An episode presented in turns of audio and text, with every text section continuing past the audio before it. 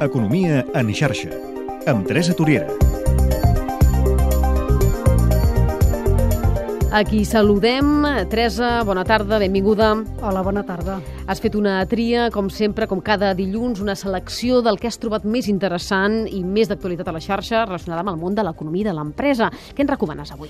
Doncs mira, avui he triat una recomanació que parla i denuncia a la vegada la desigualtat creixent, però en un àmbit que potser et sorprendrà. Doncs va, sorprèn-me. Mira, parlo de Silicon Valley, on una de cada quatre persones no pot cobrir les seves necessitats més bàsiques. Hi ha 36.000 persones sense sostre i, segons un informe del Banc Mundial, en aquest hub tecnològic més important del món, la desigualtat salarial ara mateix és equiparable a la de Ruanda. Quines dades més crues, la veritat. Doncs sí, la veritat, i sorprenents. Eh, són sorprenents i més que res que mm, quan imaginem Silicon Valley no són les dades No que, això, que ens venen a la pantalla. No? Aquests són alguns dels detalls que expliquen en, en una conferència que va fer pa, fa poc al TED Madrid Maria Santolària, una emprenedora i experta en innovació de Barcelona, que ha viscut a Silicon Valley i ha tornat desmitificant aquest glamour que sovint eh, li atribuïm. Si et sembla, escoltem un petit fragment del vídeo. Vale. A veces se dice que Silicon Valley es un estado mental, es la pasión por el trabajo, es la inquietud para cambiar el mundo, es esa sensación permanente de optimismo que te hace pensar que todo es posible. Pero Silicon Valley también es competencia feroz, desigualdad social y muchísima tecnología banal. Una burbuja que muchos se preguntan, de hecho muchos nos preguntamos cuándo estallará. La conclusió, i això ho recolzen dades també de la London School of Economics, és que no hi ha proves empíriques que el fet d'emprendre Silicon Valley sigui millor o se n'obtinguin més beneficis que en altres llocs del món.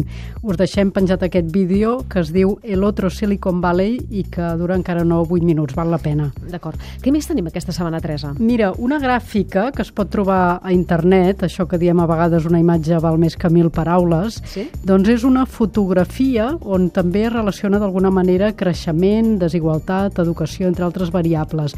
Ho va publicar ja fa temps la revista Fast Company, però l'enllaç que us deixo és d'un blog d'espanyols i catalans que viuen i treballen a la Xina, es diu Xinalati, i ens permet d'un cop d'ull en una única fotografia veure com ha canviat la Xina aquests darrers 60 anys, amb l'evolució de dades com, per exemple, l'analfabetisme, que ha passat del 80% al 9% de la població, l'esperança de vida de 35 anys a 73, o amb dades eh, empresarials com, per exemple, el número de línies aèries que hi ha ara a la Xina, que ha anat de 0 a 12.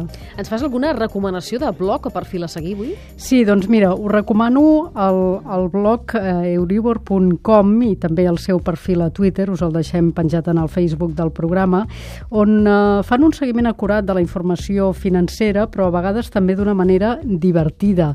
Per exemple, en una de les darreres entrades eh, eh, ens parlen de, de vuit coses a tenir en compte sobre la borsa que possiblement no ens avorreixin. Coses com, per exemple, el llenguatge que se segueix a Twitter a través dels informes eh, bursàtils eh, indica bastant eh, quines poden ser les properes eh, bombolles del mercat.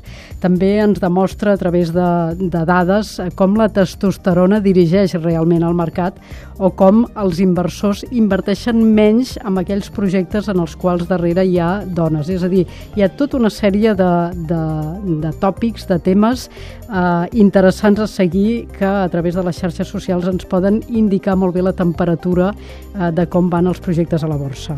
Molt interessant. Doncs de seguida ens ocuparem de l'espai de borses. Eh, La setmana que ve més tria d'aspectes interessants que es mouen per la xarxa i es comenten per la xarxa. Gràcies, Teresa. Fins la setmana que ve. Adéu-siau.